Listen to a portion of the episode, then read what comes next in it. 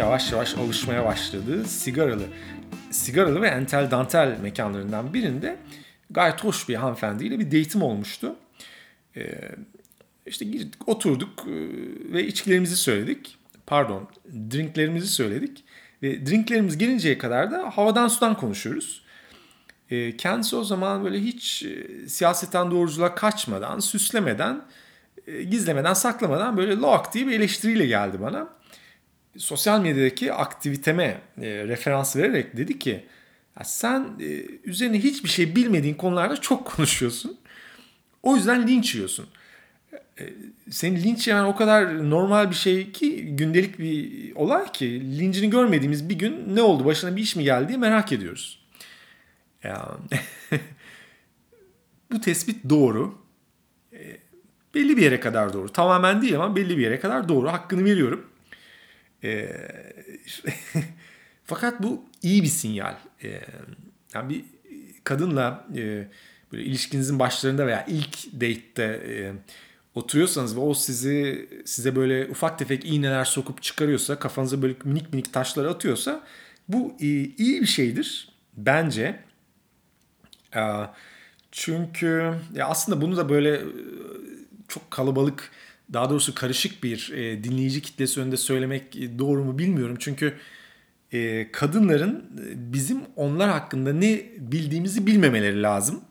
Ama burada bir e, tüyo vereceğim kendi tecrübelerime dayanarak. Eğer bir kadın sizi e, bu tarz sorularla test ediyorsa çünkü bu bir testtir. E, bu, bu iyi bir şey. E, çünkü e, yani böyle elini çenesine koyarak dinleseydi, kafasını sallasaydı böyle sürekli falan muhtemelen sizi çok e, iplemiyor olurdu diye düşünüyorum. E, ama burada bir test yapıyor. Size bir şeyler sorarak sizi test ediyor. Bakalım bu testi geçebilecek misiniz? Eğer bu testi geçerseniz ona layık olacaksınız. Çünkü e, memeler arasında e, prosedür böyle işliyor. Memelilerde dişiler seçiyor, erkekler seçiliyor. E, böyle bir seçim sürecinden geçmiştim.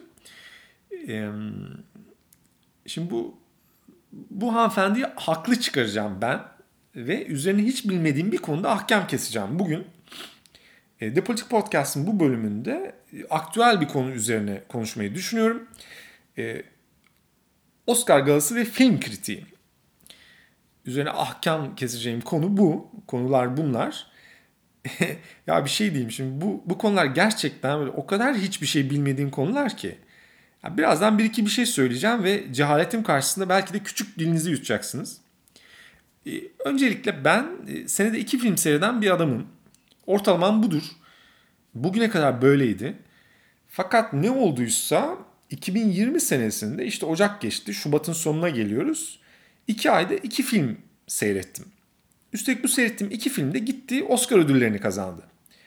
Bir tanesi bildiğiniz gibi e, Joaquin Phoenix'in en iyi erkek oyuncu ödülünü aldığı Joker filmi. Öbürü de Kore yapımı herkesin dilindeki öve öve bitiremediği Parasite isimli film. Şimdi e, bu Parasite filmi Kore filmi en iyi film ödülünü mü aldı yoksa en iyi yabancı film ödülünü mü aldı? Bunu bilmiyorum. E, açık söylemem gerekirse bunu bilmiyorum. Çünkü bu Oscar'da verilen ödüllerin hangi başlıklar altında dağıtıldığını bilmiyorum. Yani şu anda tamamen sallıyorum. Ve aslında ciddi bir şey söyleyeyim. Karşınızda şu anda Oscar ödülünü hiç seyretmemiş bir biri var. Şimdi mutlaka e, aranızdan insanlar çıkacaktır ve diyecektir ki işte ya herif abartıyor, dikkat çekmek için saçma sapan şeyler söylüyor. Yıl olmuş 2020, kim Oscar ödülünü seyretmez ki? Diye düşüneceklerdir ama e, ya ekmek kuran çarpsın seyretmiyorum. Şimdi genelde bu zamana kadar, bu seneye kadar, bu senede dahil olmak üzere benim Oscar gecelerim genelde şöyle geçiyor. Bir kere yalnızsam e, kesinlikle seyretmem de. Hani ola ki etrafında böyle bir arkadaş grubu var bir yerdeyiz falan filan. E, o gece de televizyondan e, Oscar ödülleri yayınlanacak. Ya benim o ortamda bir seviliyorsam, sözüm geçiyorsa televizyonu açtırmamaya çalışırım. Bunu bugüne kadar başaramadım. Yani sevilmediğimden veya sözümün geçmediğinden değil ama e, insanlar da haklı yani. Sonuçta bu popüler kültür e, eğlenceli bir şey olduğunu bir yere kadar en azından herkes düşünüyor. Ve bu seyrediliyor. Buna ben karşı değilim. Suratımı asmam böyle kapris yapmam falan. Ama e, beni gerçekten sıkıyor ve hani ya böyle telefonuma dalarım ya kulaklık takar müzik dinlerim ya da böyle odanın dışına çıkarım başka işlerle uğraşırım ama arada bir gelirim böyle bir 3 dakika 5 dakika belki 10 dakika gözüm kayabilir. E, hani o kadar da değil.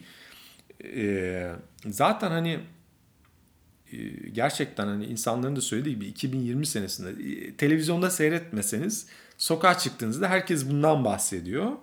Ee, internete e, çıktığınızda e, zaten herkes bunu konuşuyor. İşte küçük küçük e, video klipler paylaşıyor insanlar. E, o onu giydi, bu bunu giymedi. Onun altında donu vardı, öbürü donsuz geldi. Biri şişmandı, öbürü zayıftı falan filan derken bu hengamenin içinde bu sene böyle iki tane e, taş var kafama çarpan. Ee, bunlardan bir tanesi Natalie Portman'ın o bütün hakkı çalınan yetenekli kadın yönetmenler adına elbisesine taktığı yıldızlar. Dediler ki e, bana Natalie Portman'ın kendi prodüksiyon şirketi var. Google'a girdim baktım. Evet var. Bu şirket 11 tane film yapmış. Yanlış bakmadıysam. Bu 11 filmin iki tanesinde kadın yönetmen kullanmış Natalie Portman. Ve bu iki yönetmenin de ismi Natalie Portman. ee, ya bunun adı eskiden 200'lüktü. Şimdi ya işte bu konuda da e, duyarlı. En azından bu bile bir şey değil mi oldu adı. E, bir diğer e, kafama çarpan taş Joaquin Phoenix'in kürsüde yaptığı pro vegan konuşma. İşte inekler ve sütleri üzerine bir şeyler söylemiş. Yani bu aslında bunun video klipleri de ses klipleri de önüme geldi ama öyle tıklamadım asabım bozulmasın diye. Fakat hani inek ve süt keywordlerinden meseleyi anladım ben. Çünkü e, biz e, Türkiye'de uzun zamandır bildiğimiz bir şey bu. E, Twitter Üniversitesi'nde biz bu dersi gördük. Süt içmek tecavüzle eşdeğer. Şimdi burada bu, bu konu üzerinde aslında en iyi yorumu Ricky Gervais yaptı. Ben onun söyleminin %100 arkasındayım. Ricky Gervais dedi ki önce önce şunu söyleyeyim yalnız e, şöyle bir durum var. Bunu daha önce bir iki defalar söyledim. E, şimdi Batı dünyasında bir hızlı bir sekülerleşme var. E, özellikle belli kesimlerde ateizm çok hızlı yayılıyor. Yani bu kesimlerden bir tanesi işte Hollywood diyebiliriz. Ee, gerek oyuncuları, gerek yapımcıları, yönetmenleri, eleştirmenleri falan derken böyle e, Amerika'nın en liberal, açık görüşlü e, ve muhafazakar olmayan insanları bu sektörde toplanıyor. Dolayısıyla aralarında çok e, fazla dinsiz insan olduğunu düşünebiliriz. Fakat insanların hani böyle dine ihtiyacı var. Bu temel bir ihtiyaç diye düşünüyorum ben bir ateist olarak. Fakat işte e, İslam'a, Hristiyanlığa, Yahudiliğe inanmıyorsanız bu sefer bunun yerine e, iklim aktivizmini koyuyorsunuz. Hayvan e, ve doğaları doğayı koyuyorsunuz, veganlığı koyuyorsunuz. İşte ya da ne bileyim e, her şey mülteciler için sınırları açalım gibi şeyleriniz oluyor. E, inançlarınız oluyor. Bunlar inanç çünkü. E, dolayısıyla bulduğunuz ilk mikrofonda, çıktığınız ilk kürsüde bunları konuşmanızda böyle bir tebliğ olarak değerlendirilebilir. Tebliğ yapıyorsunuz, vaaz veriyorsunuz. E, şimdi Ricky Gervais şöyle dedi. Ya dedi siz burada küçük bir kliksiniz. E, çok ayrıcalıklı bir elit bir azınlıksınız ve birbirinize ödüller veriyorsunuz. Ya iyi verin güzel fakat hani e, ya en azından bu ödülleri de alacaksınız. Hani kürsüye çıkın. E, menajerinize teşekkür edin. Tanrınıza şükredin. Ödülünüzü alın siktirin gidin. Yani bize vaaz vermeyin. Çünkü kimse vaaz dinlemeyi sevmez. Ve bunu zaten şeyde de görüyoruz bence. E, bu sene Oscar ödül töreni izleme oranı televizyonlarda en düşük e, rekor düşük seviyedeydi. Bundan bir önce ondan önceki senelerin rekoruydu düşük izlenmede. Şimdi insanlar kendilerine e, ders verilmesini, öğüt verilmesini, vaaz verilmesini sevmiyorlar. Ee, şimdi tabii biz buna böyle itiraz ediyoruz, bir tepki koyuyoruz ama bir de hani şöyle bir grup var, bu e, insan var. Bunlar da diyorlar ki ya peki ya gerçekten kadın yönetmenler ayrımcılığa uğruyorsa, ya gerçekten yeni bir çağa giriyorsak ve e, bu çağda e, süt içmek ineğe tecavüz olarak kabul edilmeliyse, yani hiçbir şey değişmeyecek mi? Hiçbir şey iyiye doğru değiştirmeyecek miyiz? Bu toplumun önde gelenleri, idolleri, herkesin örnek aldığı insanlar da bize bu konularda mesaj vermeyecek mi? diye soruyorlar. Aslında burada beni irite eden e, iki şey var. Bunlardan bir tanesi e, işte bazı mesleklerde kadınların, siyahların, Yahudilerin falan sayıca diğer gruplara orantılı ve eşit olmaması ayrımcılığa işaret etmez. Ya bu bir kere çok açık bir gerçek olması gerekirken hani bu sürekli göz ardı ediliyor ve e, çok boş bir aktivizm yapılıyor. Her zaman boş aktivizm yapılıyor demiyorum. Çoğu zaman yapılan aktivizm boş oluyor. E, çünkü mesela şimdi diyorlar ki sadece 5 siyahi oyuncu ödüllere layık aday gösterildi. Öte yandan siyahlar Amerika Birleşik Devletleri nüfusun sadece %13'ünü oluşturuyorlar. Ama e, NBA'in de %75'i siyah. Veya işte ne bileyim ülkedeki cinayetlerin yarısını işliyor siyahlar. Nüfusun %13'üne tekabül etmelerine rağmen. Hatta e, şey diyelim e, kadınlar cinayet işlemiyorlar çok sık. Yarısını alalım o yüzden erkeklerin üzerine yıkalım. Amerika Birleşik Devletleri nüfusuna %7'ye tekabül eden bir azınlık ülkedeki bütün cinayetlerin yarısını işliyor. Ee, hani bu kötü bir reprezentasyon ama iyi reprezentasyon da işte NBA gibi çeşitli farklı özelliklerin gerektirdiği bir ligde e, siyahlar %75 ile üstünlüklerini, dominanslarını gösteriyorlar. Şimdi dolayısıyla bu itirazların çoğunda bir temelsizlik var öncelikle. Fakat tamam ayrımcılık yapılıyor da olabilir. Ee, ve e, durum buysa bizim buna karşı durmamız, bir duruş, tavır sergilememiz de gerekebilir. Harika. Ee, buna okeyim. Şimdi beni burada irite eden e, bu tür şeylere dikkat çekilmesi değil. Bunlara dikkat çekme şeklinin son derece çirkin oluşu. Benim için zurnanın zırt dediği yer burası. Onu da şöyle açıklayayım. Ee, şimdi bizim Mete Atatürk diye bir süperstar fizikçimiz var Türkiye'de. Tabii ben bilim insanı veya akademisyen olmadığım için Atatürk'ün fizik alanında yaptığı çalışmaları bilemiyorum, takip edemiyorum. Ama kendisini sosyal medyada yaptığı farkındalık e, çıkışlarıyla tanıyorum. Şimdi klasik bir Mete Atatürk'e farkındalık çıkışı şöyle oluyor genelde. E, kendisi bir panele davet ediliyor. Daha sonra e, bu panel henüz gerçekleşmeden bu panelde yeteri kadar kadın konuşmacı olmayacağı ortaya çıkıyor. Bir takım aktivist gruplar bunu buluyor, çıkarıyor ve car car bağırmaya başlıyorlar. İşte o zaman Mete Atatürk'e de çıkıyor. sosyal medya hesabından bu car car bağıranlara destek veriyor ve diyor ki işte bir dahaki panelde veya bu panelde işte şu kadar sayıda kadın konuşmacı olmazsa ben de e, katılmayacağım. Nokta. Bu konu burada bitmiştir. Uuu 7800 retweets, 15700 e, likes esiyor, gürlüyor, ortalık dümdüz oluyor.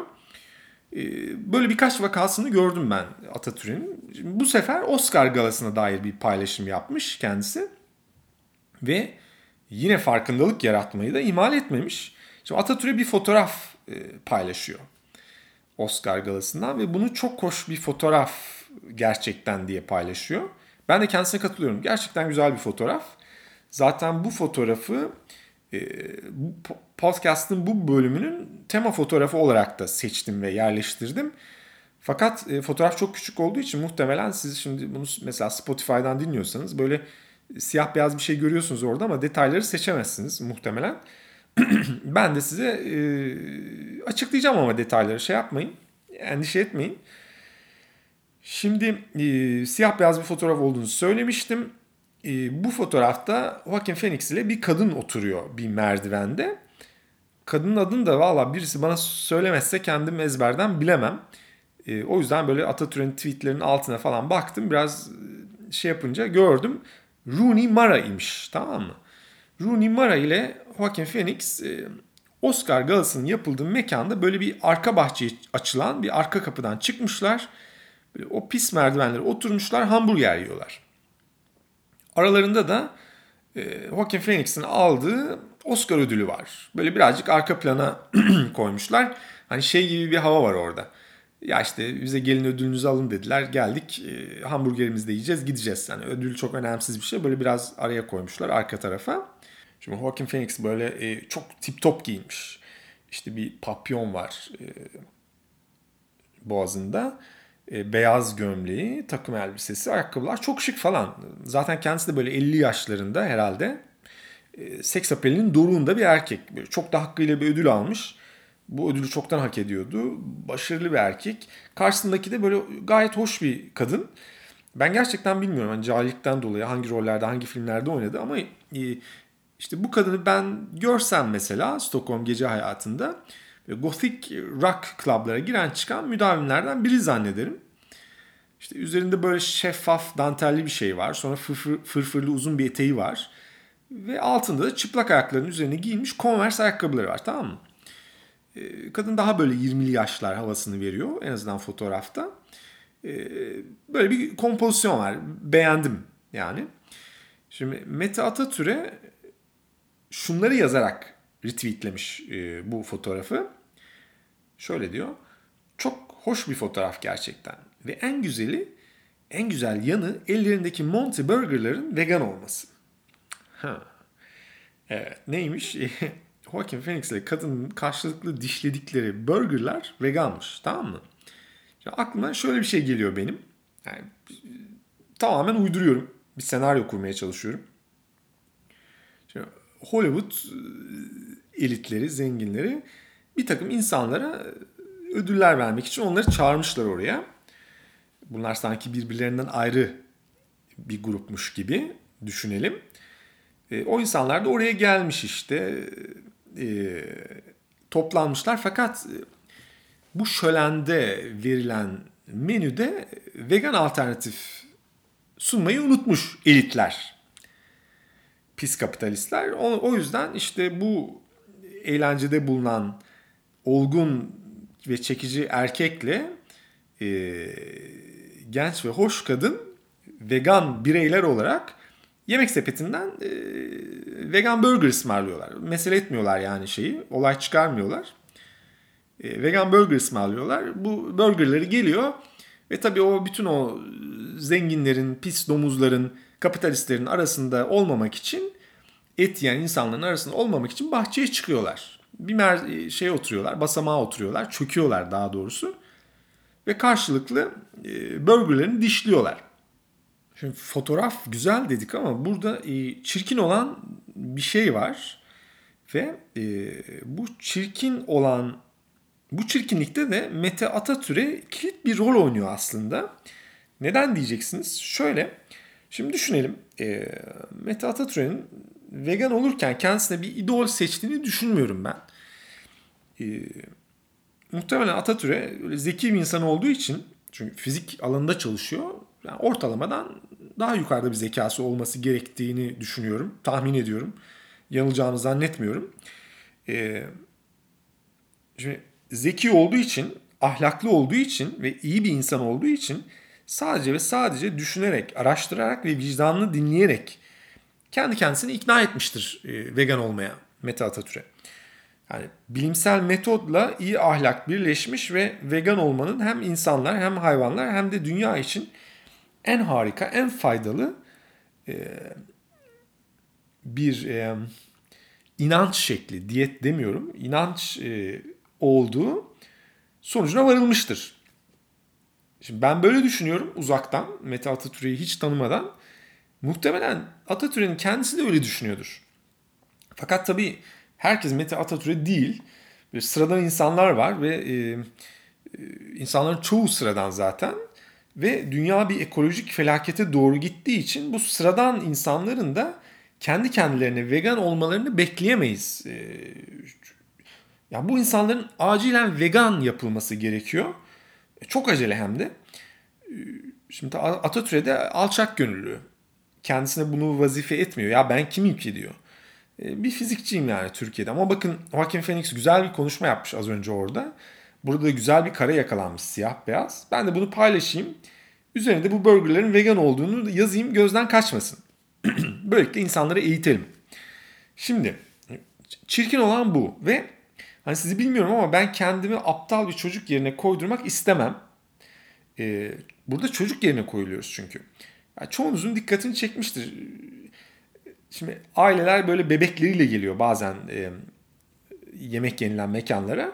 E, bu bebekleri masanın yanında böyle bir bebek sandalyesine koyuyorlar. Anneleri de bunlara mama yedirmeye çalışır. Mama tabii çoğu zaman iğrenç herhalde. Çocuklar bunu yemek istemiyorlar. Ama anneler işte kavanozu açıyor, bebeklerine vermeye çalışıyorlar. Çocuk e, ısrarla yemiyor. İşte annesi de ne yapıyor o zaman? Çay kaşığını daldırıyor.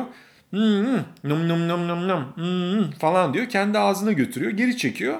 Yani istiyor ki çocuk ondan görsün, kıskansın. Ve yesin. Ya e, şimdi dikkat edin, bunları dikkatle izleyin.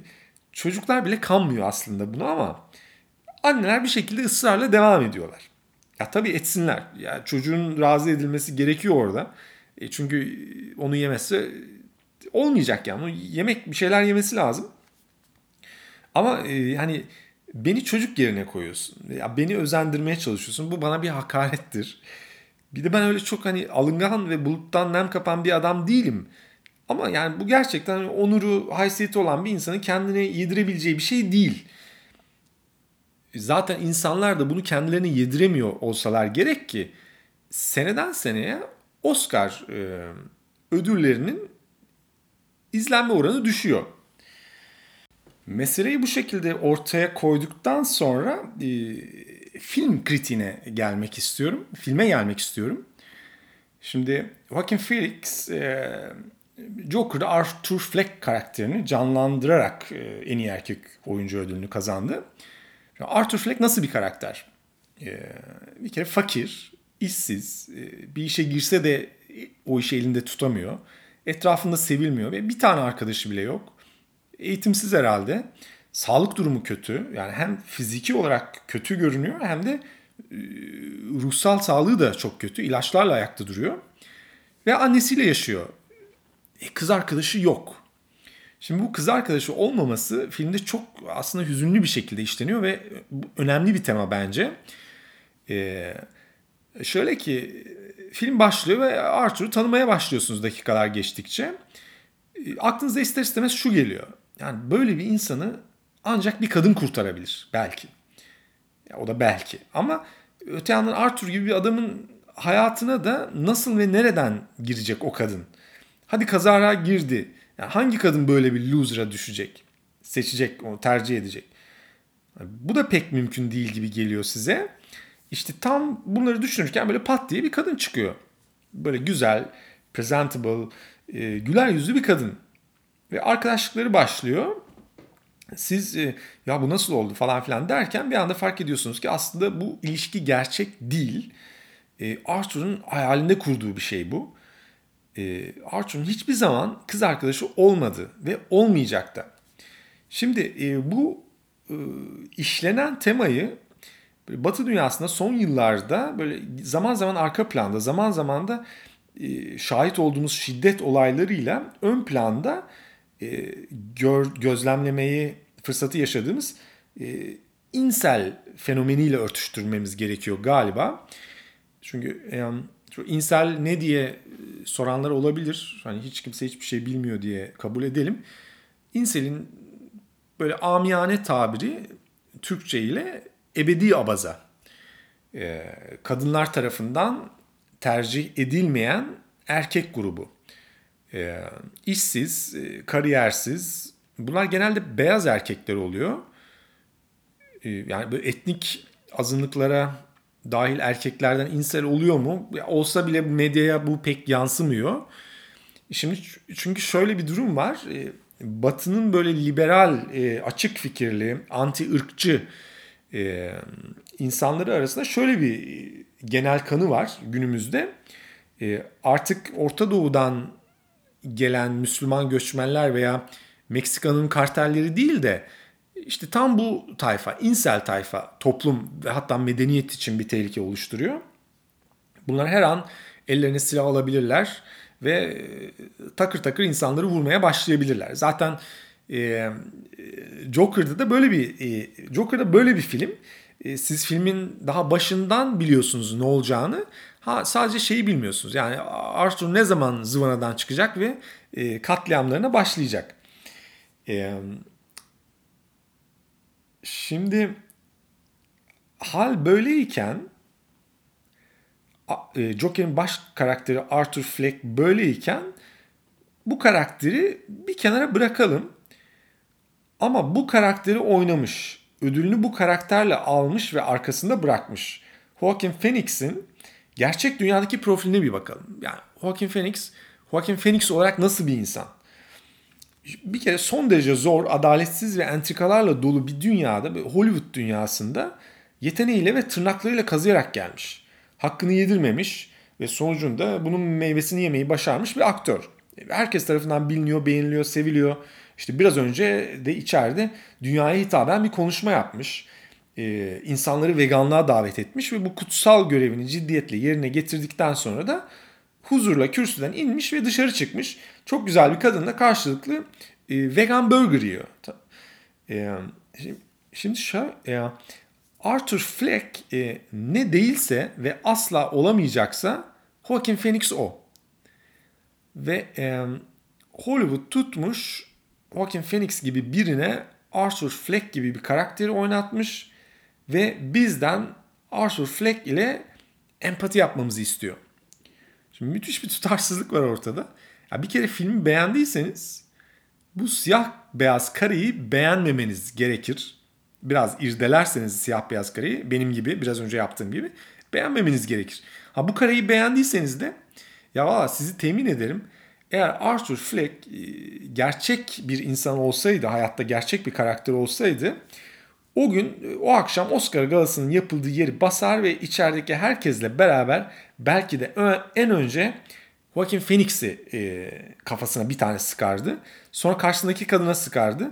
Hani belki hızını alamaz. Bir de Mete Atatürk'e sıkardı. ya bu e, kafaya sıkma şeyini ben şuradan aldım. Beni hemen e, eleştirmeyin. E, bu filmde Robert De Niro ünlü bir talk showcu. Tamam mı? Ve böyle çok da böbürleniyor çünkü kendisi fakirlikten çıkmış. Ünlü bir insan olmuş. İşte Gotham City herifin programını seyrediyor. Şey yayınlandığı zaman başka hiçbir şey yapmıyorlar. Bu adamı seyrediyorlar. Robert De Niro filmin sonlarına doğru Arthur'u programına davet ediyor. Arthur oraya gidecek ve son şovunu yapacak. O güne kadar kimse onun o cinayetleri işleyen kişi olduğunu bilmiyor. Arthur geliyor stüdyoya gayet böyle cool bir şekilde ilk defa kendinden bu kadar emin konuşuyor falan işte. Ondan sonra açıklıyor bütün ülkeye. Metroda zenginleri öldüren palyaço kendisi. Ve tabii herkes, ya stüdyodaki herkes paniğe kapılıyor. E, çekim ekibi şey diyor, Robert De Niro'ya işaret ediyor. Kes kes, yayını kes diyor.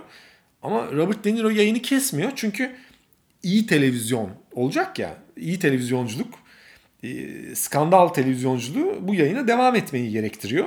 Show business çünkü. Robert De Niro da e, Arthur'u provoke etmeye devam ediyor ve sonunda Arthur cebinden silahını çıkarıyor tak diye alnının ortasından vuruyor Robert De Niro'yu. Şimdi bu sahne e, ben de kızgın kumlardan serin sulara atlama hissi uyandırdı. Onun da sebebi şu. E, Robert De Niro'ya inanılmaz gıcık oluyorum. Aslına bakarsak yani bundan 5-6 sene önce en sevdiğim, saygı duyduğum oyunculardan biriydi. Fakat adam son 3-4 senede iyice zortlattı. Tamamen zıvanadan çıktı. Kuduz bir anti-Trumpçı oldu. Şimdi bunda yani anti-Trumpçı olmada yanlış bir taraf yok kesinlikle. Sözümü başka taraflara çekmeyin. Ee, ya tabii ki adamı protesto edebilirsin. Ediyorsun da zaten. Herkes ediyor. Dünyanın yarısı ediyor. Yarısından fazlası ediyor. Ama sen şimdi 70 küsür yaşında bir Robert De Niro'sun. Ee, böyle kendi kendine videolar çekiyorsun ve bunları internete atıyorsun. O videolarda işte Donald Trump'a senin ananı avradını sana bir koyarım ağzını yüzünü dağıtırım falan gibi söylemlerde bulunuyorsun. Ya bu, bunlar çok çocukça tamam mı? Robert De Niro orada kaybetti beni. Tabii kendisi bunu bilmiyor. beni kaybettiğini. Her, her halükarda bu filmde alnının ortasından vurulmasına çok sevindim. Şimdi zaten dikkat edin e, filmde de e, Joker'da bir sınıfı diğer bir sınıfa isyana şiddetli bir ve kanlı bir isyana teşvik var. E, ben de bu teşviğe uymuş oldum. Şimdi bu film yayına girdikten sonra, gösterime girdikten sonra pek çok e, eleştirmenin e, endişesi buydu. Çünkü dediğim gibi beyaz işsiz insel tayfa var ve bu insel tayfa her an direnişe başlayabilir. Silahlı direnişe başlayabilir. Bu direniş çok kanlı olabilir. Acaba bu, bu film e, bu fitili ateşler mi? Şimdi bundan endişe ediliyordu. Nitekim pek çok uyarı ibareleri koyulmuştu filmin afişlerine ve fragmanlarına. Öte yandan e, aynı şey Parasite için geçerli değildi. Dikkat edin. O film çok daha başka bir, bir art house film havasında yapılmış bir filmdi. Şimdi İlker Canikligil var. Hepiniz biliyorsunuzdur. Ya evet ben genelde bilmediğim konular üzerine konuşuyorum ama İlker Canikligil için film üzerine bilmiyor, film üzerine konuşmasın diyemeyiz. Şimdi Canikligil Parasite için e, bu film solcuların Recep İvedik'idir dedi. E, bir buçuk hızda seyrettim dedi böyle daha da komik oldu. Hiçbir şeyde kaybetmedim içeriğinden. Çünkü filmde çok klişeler vardı. Ya bu e, eleştirinin %100 arkasındayım ben. Altına imzamı atıyorum. Bu klişeler çok tutarsız bir biçimde işleniyordu üstelik. Şimdi mesela filmde gördüğümüz Parasite filminde gördüğümüz tutarsızlıklardan bir tanesi şu fakir e, parazit ailenin üyelerinin çok becerikli ve zeki olması. İşte bakıyorsun bu insanlar farelerin dahi yaşamayacağı bir yerde yaşıyorlar. Ama çocuk İngilizce öğretmenliği yapabiliyor. Zenginlerin çocuğuna İngilizce öğretmenliği yapıyor. Şu ailenin kızı zengin ailenin yanında mürebbiye olarak işe başlıyor. Fakat sanki kendisi de üst sınıftan gelmiş gibi böyle oturmasını, kalkmasını, konuşmasını falan çok iyi biliyor. Hatta bu öğretmen olan kardeşi ona bir yerde diyor ki ya sen e, zengin bir ailede doğum, doğmalıydın hiç sırıtmıyorsun bu hayatta diyor. Şimdi enteresan da filmin sonunda ölen de bu kız oluyor. ilk ölen. Ee, işte bunların anneleri var. Ee, evi çekip çeviriyor. Zenginlerin evini çekip çeviriyor. İşte adam var. Çok iyi araba sürüyor. Şoförlük yapıyor. Yani muhabbeti iyi. Herkesin network'ü var. iş bitirici falan. Şimdi böyle bir ailenin o kadar sefalet içinde yaşaması da enteresan geliyor bana. Bu ailenin e, fakirlikten kurtulmak için yaptığı işler, fakirlikten kurtulmak için demeyeyim de hayatını sürdürebilmek için yaptığı işlerden bir tanesi pizza kartonu bükmek. Fakat bu işi de yüzlerine gözlerine bulaştırıyorlar. Ya büktükleri 100 kartondan 25'i kullanılamaz. Yani restoran almıyor bunlardan bu kartonu. Ya sen daha pizza kartonu bile bükemiyorsun ama şehrin önemli ve zengin ailelerinden birini çok güzel manipüle ediyorsun ve onları infiltre edip içlerine girip paraziter bir şekilde yaşayabiliyorsun. Ya bayağı enteresan. Şimdi Joker filmi alt sınıfı isyana teşvik eden bir film. Yani e, liberaller parantez içinde Amerika'daki liberaller yani sosyal demokratlar yani ılımlı solcular filmin verdiği bu mesajdan ürktüler, korktular. Çünkü böyle bir isyan e, zenginlerin olduğu kadar kendi sınıflarına da bir e, tehdit teşkil ediyor. Parasite'ın verdiği mesaj ise desteklendi. Böyle şevkle desteklendi. Bu iki film arasında şöyle çok bariz bir fark var. Ve bunu da ben ikisini de seyrettikten birkaç gün sonra sindirebildikten sonra farkına varabildim. Yani siz belki izler izlemez farkına varacaksınızdır. Şimdi Parasite'de şöyle bir durum var. Hep şu fikir işleniyor arkada. Aslında fakirler de şans verilse zenginler kadar başarılı olabilirler. Başarılı olabilirler ama fakirlere şans verilmiyor ya.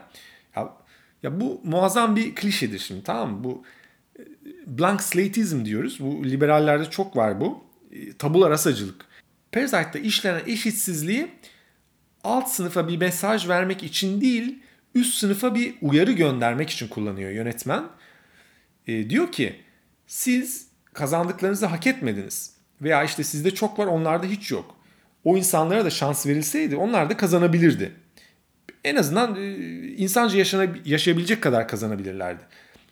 O yüzden bu insanları parazit olarak görmeyin. Onlara daha adil ve insanca davranmaya başlayın. İçine ettiğiniz bu sistemi düzeltin. Adam gibi bir sistem kurun. Böylelikle bir devrime, e, bir başkaldırıya gerek kalmasın. Ortalık kan gölüne dönmesin. Ee, bu işin altından siz kalkarsınız yine. Hadi koçlarım falan gibi bir mesaj veriyor. Parasite'ın verdiği mesaj bu üst sınıfa. Egemen sınıfa. Şimdi Joker'ın mesajı ise alt sınıfa.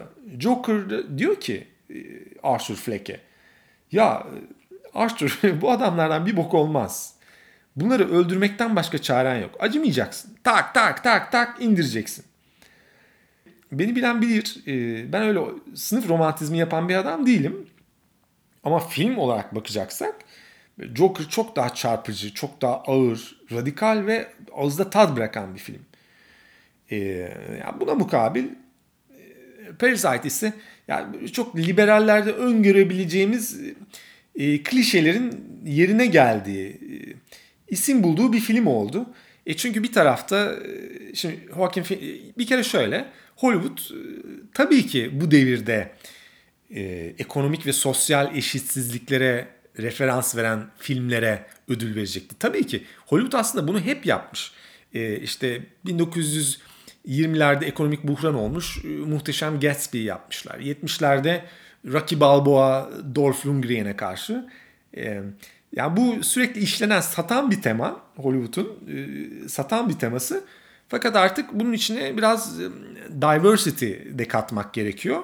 Şimdi Joaquin Phoenix'e en iyi erkek oyuncu ödülünü veriyorsun. Öbür tarafa da en iyi film ödülü cuk diye oturuyor. Çünkü e, hem konusu itibariyle hem gerçekten güzel çekilmiş bir film ve hem de işte filmde bir kahraman yok. Üstelik bu kahraman erkek de değil. Filmde böyle bir aile var ve e, kadınlar ve erkekler eşit derecede e, rol alıyorlar. E, eşit derecede kahraman olabiliyorlar. E, ya böyle e, şimdi bu klişelerle işlenmiş bir film ama güzel işlenmiş Allah'ı var. Öbür tarafta da dediğim gibi e, ya Parasite'ın ödül alması böyle liberal mind'a böyle cuk diye oturan bir şey. E, ha hoşuma gitmedi mi? Gitti film sanatı olarak. E, bu sanattan anladığım kadarıyla hoşuma gitti. Çekimler, mekanlar, şu bu falan. Zevk aldığımı da söyledim zaten. Bültende yazdım. Fakat işte düşündükten sonra, sindirdikten sonra Joker'ın böyle e, radikal, ağızda tat bırakan bir film olduğu fikrini benimsiyorum. E, bu arada tabii e, Oray Eğin'in Habertürk'te bir yazısı çıktı bu film üzerine. E, yazıda güzel noktaları değiniyor. Benim de bilmediğim şeyleri öğrendim bu yazıdan. E, şimdi antikapitalist rüzgarlar esiyor dünyada. Ben bildim bileli esiyor zaten. Bu da Parasite filmi de kapitalizmin en porno, pornografik şenliklerinden Oscar töreninin galibi oldu. Ee, şimdi, film tarihi bir başarı yakaladı. Ee, sinemasal değeri de tartışılmaz. Bunu da söyledik. Fakat e, stratejik bir yatırımdı. Şimdi bu ya, e, Parasite'in yapımcılarından bu Mickey Lee diye bir kadın var. E, Mickey hani ekranda gördüğümüz o sempatik teyze değil. Ee, Güney Kore'nin en önemli medya şirketinin yönetim kurulu başkan yardımcısı. Ee, dedesi tarafından kurulan CJ şirketler grubunun eğlence ayağını yönetiyor. Bu, bu şirket böyle un şeker üretiminden biyoteknik ve ecza yatırımlarına kadar uzayan bir yelpazede faaliyet gösteriyor. Ve bu şirketin CEO'su da Mickey'nin erkek kardeşi. 2014'te e, dolandırıcılık ve vergi kaçakçılığından hüküm giyip affedilene kadar da 2 sene boyunca şirketi ablası yönetiyordu. Şimdi Güney Kore'de eğlence sektöründe Mickey Lee ne derse o oluyor. Ee, onun istemediği hiçbir iş yapılmıyor. Bu arada bu kadın e, Harvard'da yüksek lisans yapmış ve e, ne Amerika'ya ne de Hollywood'a yabancı değil. Güya Hollywood işte e, Parasite Hollywood filmi değil ama e, yapımcısı Lee e, Koreli'den çok Amerikalı işte Los Angeles yakınları işte Orange County'de Hollywood yıldızlarına komşu yaşıyor. Ee, Şimdi Güney Kore'de bu çoklu sinema salonları, multiplex dediğimiz çoklu sinema salonlarını e, getirmiş CJ şirketler topluluğu. Ve bu şirketler, bu CJ'yi biz de çok iyi tanıyoruz aslında. Mars sinemalarını 800 milyon dolara karşılığında satın alan ve e, bu sektörde büyük bir tekel oluşturan bağımsız Türk sinemasının can çekişmesini sağlayan CJ şirketler topluluğu. E, şimdi bu salon tekeli yüzünden Türk sineması kendi parazitini çıkaramıyor. E, içinde parazit var. kısacası böyle CJ şirketler toplatıp tıpkı filmde yavaş yavaş evi, evi ele geçiren parazit aile misali böyle dünyanın çeşitli yerlerindeki sinema sektörünü sızıyor ve ele geçiriyor. Ya bu da böyle bir günde birkaç günde olmuyor. Birkaç senede olmuyor. Operasyonun ağları yıllar öncesinden böyle bir nakış gibi işleniyor. E, diyor Oray Eğin Habertürk'te. E, güzel bir yazıydı. Oraya da bir bakarsınız. Link vermeye çalışacağım. Bu podcast'ı web sitesine eklediğim zaman altında linki bulabileceksiniz. Valla e, konu üzerine hiçbir şey bilmiyorum dedim ama 35-40 dakika konuştum galiba. Tipik ben. E, fakat yani film ve Hollywood eleştirisi, Oscar galası eleştirisi yapıyormuş gibi yaparken aslında başka şeyleri konuştuk farkındaysanız. E, bu başka şeyler üzerinde hepimizin mutlaka fikirleri var, tecrübeleri var, bilgisi var. E, dolayısıyla böyle çok dağ taşa da sallamamışımdır umarım. E, dinlediğiniz için teşekkürler.